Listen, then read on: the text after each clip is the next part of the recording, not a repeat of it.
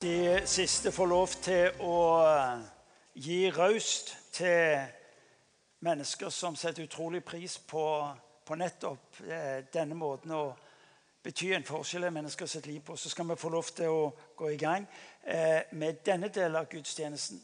Det er Dåp er veldig spesielt, egentlig.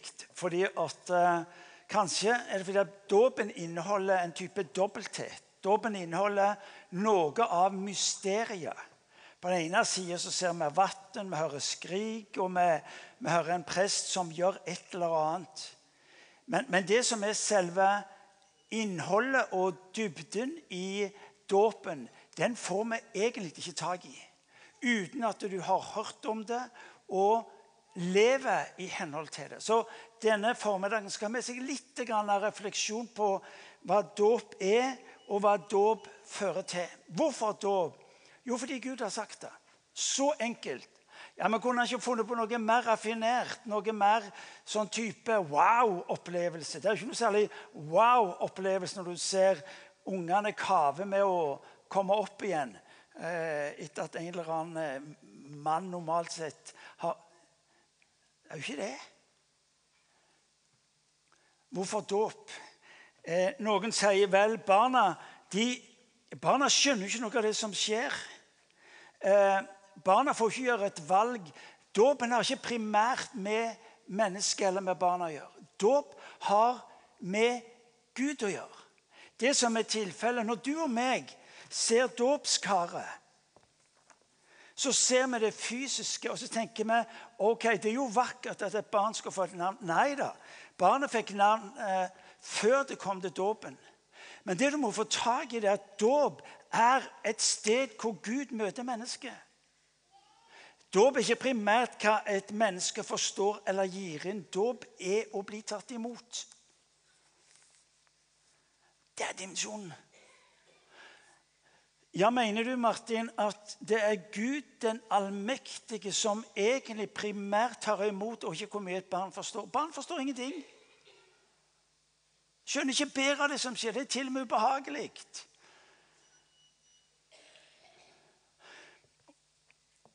Hvorfor blir det så viktig for oss å få tak i det? Jo, fordi du og meg har gjort det gjenstand når det gjelder Gud, hvor mye vi forstår eller ikke forstår. Hvor mye Gud passer inn i vår ramme. Eller hvor mye jeg er i stand til å putte sammen med type intellekt og forståelse. Eh, dåp minner oss om det fundamentale i kristen tro, nemlig ikke først og fremst å skulle begripe som å gripes. Og det er det du og meg inviteres til. Når du og meg ser dåpen, så skal vi få lov til å tro at her handler Gud. Så folkens, en gang for alle, ikke si at dåp er et steg du et navn, for det fikk du før du kom til dåpen. Dåpen er et sted hvor jeg blir tatt imot av Gud. Og Jeg kan ikke tenke meg noe mer vakkert enn å la ungene våre tidlig få lov til å vite at her handler Gud med meg. Når du og vi kommer i tvil om bekjennelsen vår, på livet vårt, på troen vår, på alt som godt kunne vært annerledes, så sier Gud til oss Hør nå, husk hva jeg gjorde så skal du og meg få lov til å gripe tak i dåpens pakt i forvissning om at det han gjorde, det holder. Og han skifter ikke mening om deg. En gang til. Han skifter ikke mening om deg. Til det har han betalt en altfor høy pris. Så når du og meg når du og meg ser hva som skjer her, så få tak i dobbeltbunnen. Det vakkert, og det er tider rørende på det som vi ser skje her. Men det som faktisk er tilfellet, at der du ser vannet, skal du få lov til å se Guds hender som tar imot. Derfor lyder det også i, av, i Bibelen at vi begraver med Kristus. Symbolet når du går under, begravd, og så oppreist. Det betyr at du får lov til å komme inn i en livsrevelasjon med Gud den allmektige. Og Noe av det som er så vakkert med dette, det er der du og meg er opptatt med å, med å finne ut hvem som er kvalifisert, hvem som holder mål Det er ikke noen barn som holder mål, folkens. Dønn ærlig. De begynner ganske tidlig å grynte. og gi uttrykk for misnøye og lage bråk på de mest usannsynlige tidspunktene. Ja. Foreldrene vi gjorde det vi skulle gjøre, men de betalte oss ofte tilbake med å kjøre sitt eget løp. Er enig i det? Vi vet noe om det. Så er dåpen uttrykk for en Gud som inngår pakt med deg og med meg. En Gud som sier at ingenting skal kunne skille deg fra min kjærlighet. En Gud som sier at Hør nå. Eh, du er mitt barn. Og Det sterkeste vitnesbyrdet vi møter i Bibelen, er nettopp Bibelen hvor Gud omtaler seg som barn. Ja, men sier du, men Forbindelsen mellom det som skjer her, og en Gud som tar imot meg, tar oss inn i pinsen, som møter oss med kraften og livet og overfloden. Dåpen den sier noe om en Gud som handler. Det står i, eh, i et av stedene står det i i Titus brev heter det. Det er et av de minste. Men der står det noe nydelig om hva dåpen gir og gjør. Skal vi se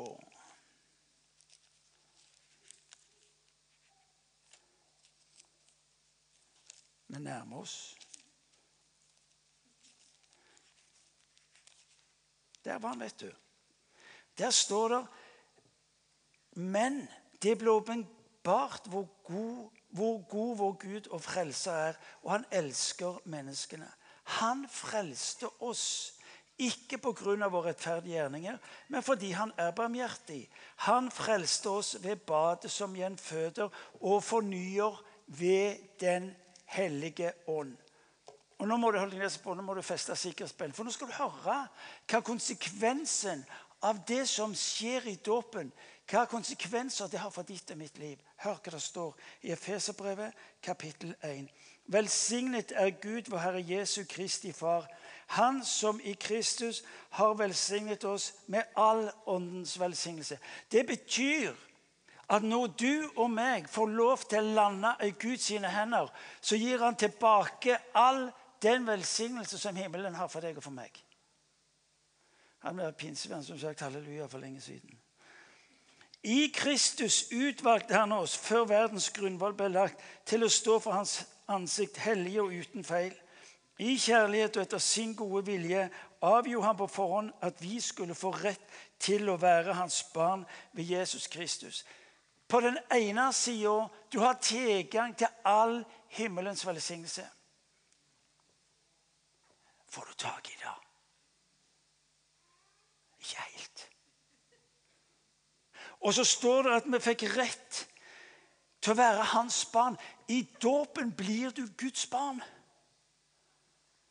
Hør nå. Det er en posisjon, det. Det er et udiskutabelt faktum. Du som blir døpt, sier Guds ord, blir et Guds barn. Når Gud omtaler seg som far, så ser han på deg og sier du er min sønn, du er min datter. Du har en posisjon som barn overfor Gud Fader som han rekker deg. Kristendom er ikke tvang. Kristendom er ikke en, hen, sånn en eh, appellering til intellektet. Kristendom med, vil du ta imot det jeg har å gi deg. Kan du tenke deg noe så ubegripelig at folk vender tommelen ned når allmaktens Gud kommer og sier all himmelens velsignelse er for deg? Du skal få lov til å være min sønn og min datter. Ja, Det skjønner jeg ikke så mye av. Ja, Det er ikke så farlig, vil han si. Jeg gjør det. Og lev vel med det. Vi må lese litt til. Til at vi får rett til å være hans barn ved Jesus Kristus. Til lov og pris for hans herlighet og nåde, som han overøste oss med i ham, som han elsker så høyt. Dåpen gir posisjon barn. Jeg er barn. Det er et faktum. Uh, Irene og jeg har to døtre. Det er han Therese og det er Mia Merene. Hun ene som døpte sin datter uh, Daisy Maria. Hun er vår datter. Hun vil alltid være vår datter. Uansett hvordan hun ter seg i livet, uansett hva hun finner på i livet, uansett om det er galt dumt, idiotisk eller klokt, fornuftig og rett, så vil hun uansett være vår datter. Tar dere regnestykket? Dere som ikke nikker, dere vet ikke hva jeg snakker om. Barn, posisjon, udiskutabelt. Hun er en cave uansett. Det er faktum. Beklager, men sånn er det. Og Dine barn de er altså noen, om de ikke akkurat er keiver så, så er det pettersenske, og så er det olsenske, og så er det litt sånn forskjellig. Poenget med dåp at den gir deg en posisjon av å være sønn, av å være datter. Er en far som proklamerer over ditt liv Martin, du kan ikke gjøre noen ting for å redusere min kjærlighet til deg. Du kan ikke gjøre noen ting for å øke min kjærlighet til deg. Den er den samme. Du er sønn, du er datter, samme søren. Men ikke bare det. Dåp sier òg fundamentalt om relasjon. Det er altfor mange som går rundt og har en bekjennelse ja, jeg er en kristen. Og så er det posisjonen de er opptatt med. Men hør nå, dåpen er ikke bare en bekreftelse på en posisjon, nemlig at jeg er sønn datter. Det er samtidig en relasjon. Noe jeg skal få lov til å leve i, leve ut, vokse i, vokse inn i. Og dette er det fortvilt. Det er så mange som ser tilbake på at en gang ble jeg døpt. That's it. Og så valgte de en vandring hvor relasjonen med Gud ikke fikk plass i livet. Noen av oss vil se, men det, er, det må jo være rimelig corny. Hvis jeg er lovt ved relasjonen velsignelse, all himmelens velsignelse Jeg er lovt å skulle få lov til å være sønn, datter, og så er hans løfter på mitt liv Ingenting kan skille deg fra min kjærlighet. Hvorfor døype med barna? Eh, av mange grunner, som jeg også har sagt. Men Vårt mål med dåpen er å se ungene begynne å samhandle med Gud fra dag én. Der er det noe som er bra. For hvis du og meg hjelper ungene til å forstå hva Gud gjorde i dåpen, så lærer vi ungene også til å samhandle med Gud. Ikke det bra? Når den fremste på barn i dette landet vårt sier amen, da må det være riktig.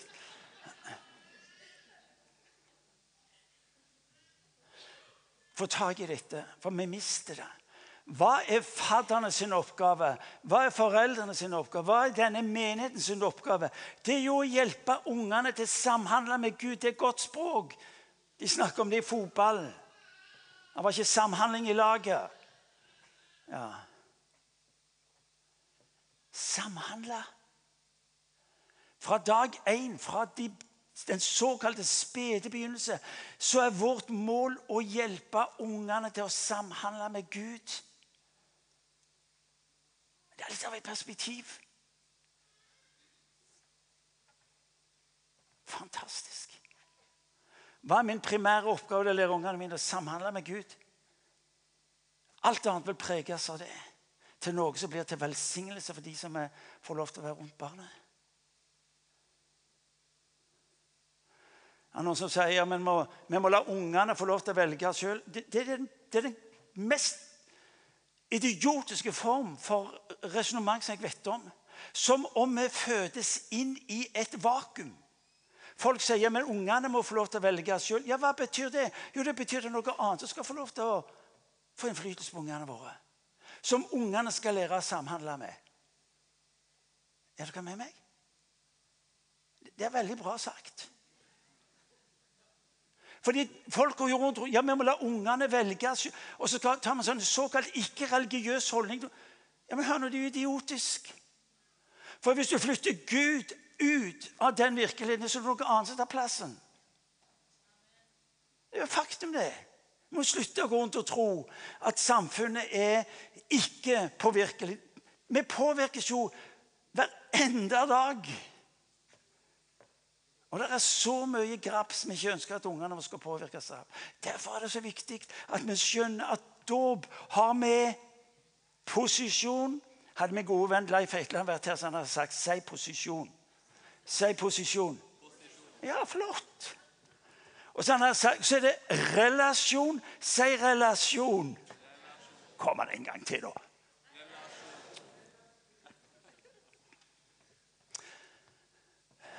Folk sier 'jeg kjenner ikke Gud'. Nei, fordi de ikke fikk hjelp til å leve og samhandle med Gud.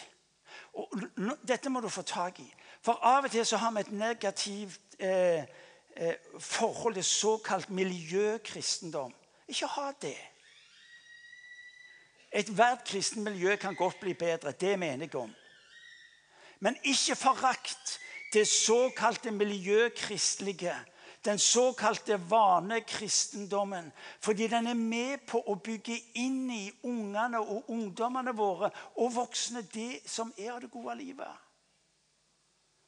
Når du tenker ja, det er ikke så, det er ikke så hytt jeg får til, og alt det der Ikke vær så opptatt med det du ikke får til.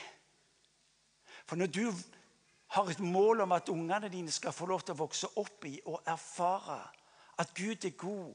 Lære de å samhandle med Gud, så er det noe som bygges inn i dem, som forankres i livet deres, og så får de lov til å vandre ut med det.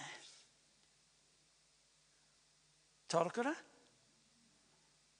Ja.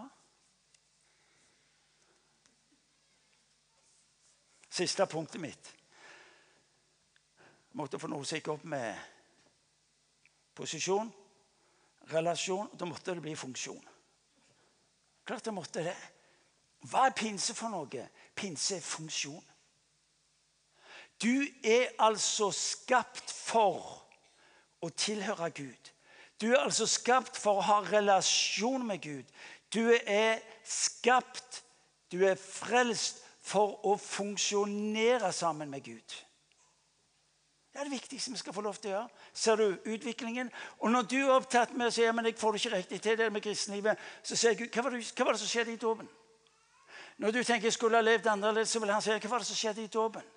Når du tenkte ja, men det skal, så, Han vil alltid peke på hva han sjøl har gjort og gjør i ditt liv. Pinse har De av dere som var her sist mandag, dere husker hva jeg sa om pinse. Jul, påske pekte fram mot pinse. Fordi en dag bestemte mennesket for å gi blaffen i Gud. Sagt på godt norsk. Vende ryggen til Gud. Men Gud har aldri vendt ryggen til mennesket. Han mista han mista det mest dyrebare han hadde, sier han, for så høyt elsker Gud mennesket. Men han hadde et mål om en dag å nå mennesket igjen. Derfor eh, bryter han inn i denne eh, verden med jul. Det er voldsomt når allmaktens Gud velger å bli et barn. Men det er det som skjer. Når allmaktens Gud velger å dø på et kors for de som ikke fortjener det Han visste at tusenvis av millioner av mennesker ville vende han ryggen i blaffen i det han gjorde. Men hans kjærlighet var ikke betinget av at de fulgte han. Så selv om mennesker velger å vende Gud ryggen, så skal mennesker vite jeg elsker uansett. Jeg dør selv om jeg ikke forventer får tak i dette. Han dør selv om han ikke forventer tilbakebetaling. Det er kanskje for kjærlighet. Så hva er pinse, da? Pinse når Gud får lov til å fylle sitt folk med sitt liv på en slik en måte at de fremstår i denne verden som det var tenkt en gang. Jul, det er vakkert. Mye følelser der. Påske er dramatisk med alt det innebærer, men det har et fokus, nemlig pinse. Derfor må vi forkynne pinse mer enn bare én gang i året. Fordi at når himmelen så Jesus bli født inn i denne verden, så så det pinse. Når eh, himmelen så Jesus dø på korset, så så de pinse. Og når det, Den hellige ånd utøses over mennesket, så eksploderer det. Og da ble det litt mye kanskje, Ikke akkurat full, men det ligner på.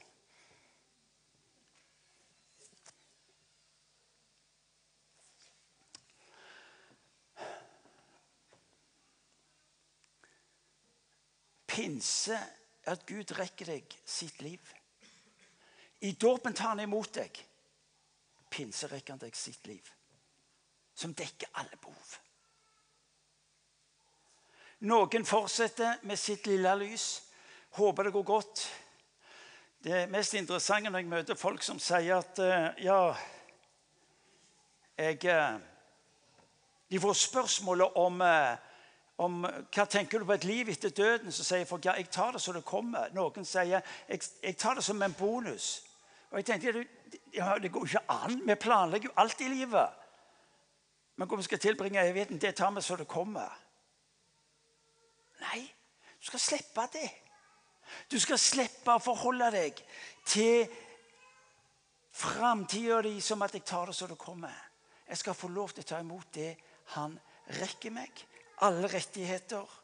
Dere skal få med dere tre enkle linjer fra Salme 23, og så skal jeg slutte. Vi kjenner Salme 23.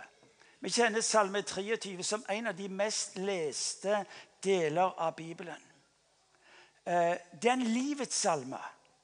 Det er en salme som forteller oss om alt det du og meg får lov til å ha som barn av Gud, som etterfølgere av Gud. Der står det innledningsvis Herren er min hyrde, jeg mangler ingenting. Pinse forteller deg og meg at du mangler ingenting. Pinse hjelper deg til å definere livet annerledes. Fra behovene dine til hvem han har sagt hvem han vil være i ditt liv. Salme 23. Herren er min hyrde. Han møter meg i min, i min svakhet. Du, du leder meg til grønne enger. Du lar meg ligge i grønne enger. Du leder meg til vann hvor jeg kan også Han møter meg i min svakhet. Jeg vet ikke hva som er ditt liv i dag. Jeg vet ikke hva du skulle ønske var annerledes. Kanskje kjenner du at du er kraftesløs. Så sier han til deg du mangler ingenting. Du mangler ingenting. I din svakhet, i dine mangler. Det står videre Han gir meg nytt liv. Han fører meg på rettferdighetsstier for sitt navns skyld. Om jeg enn skulle vandre i dødsskyggens dal, frykter jeg ikke noe ondt, for du er med meg. Din kjepp og din stav, de trøster meg. Og så står det du dekker bord for meg. Det er et bilde på hva Gud gjør, gir inn i ditt liv. Han inviterer deg til å bli med på det han holder på med, også i det overnaturlige. Gud er ikke bare en Gud som opererer på forstanden. Han opererer med sin forstand, og det er som oftest i det overnaturlige. Hvor han inviterer deg til å bli en del av det han gjør. Når IMI har team ute på gata, når vi har helbredelsesrom her om lørdagen, så er det fordi at vi tror han har dekt oss et bord som vi skal få lov til å rekke av mennesker som er i nød med ulike behov. Der du og meg ser kampen og det umulige, så ser han her. Her har du det du trenger. Når du og meg ser på bordet, så ser vi på koldtbordet så tenker vi wow, her er det helbredelse. Her er det nytt mot. Her er det ny kraft. Her er det ressurs. Og så skal du og meg få lov til å gi det til mennesker som vi møter i vår vei. Jeg kan ikke tenke meg noe mer vidunderlig enn å møte mennesker som henter fra Guds bord inn i mitt liv, inn i ditt liv, på det som måtte være ditt behov. Du som er en Jesus-etterfølger og ønsker å være med på det Gud gjør nå. Han har satt foran deg et dekka bord som du skal få lov til å si ah, Ole trenger det, og Hans trenger det, og Kari Og så skal jeg få Gud, hva har du?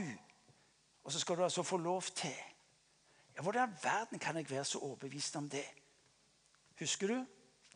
Fordi jeg er sønn. Og i den posisjonen får jeg lov til å ha en relasjon hvor han sier alt er mulig. Alt er mulig for den som samhandler med meg. Og det er det du inviteres.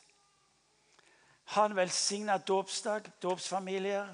Det er du som skal hjem og gjøre noe annet. Ha en velsigna dag. Men ikke glem nå at er du døpt, så har du relasjonen, du har tilgangen, og du vil bety en forskjell i mennesker sitt liv. En forskjell som mennesker lengter etter å bli en del av. Ikke driv på hjem unna det Gud har velsigna livet ditt, fordi folk vil gjerne ha. Noen sier sånn at mennesker er ikke interessert i Gud. Det er klart de er interessert i Gud. Kirkefaderen Augustin sa det sånn at min sjel finner ikke hvile før den finner hvile hos Gud. så blir hele vårt liv et uttrykk, et jag etter et eller annet. Hva er det for noe? Jag etter å komme hjem. Jag etter tilhørighet. Men det kan vi snakke om en annen gang. Ha en velsigna søndag.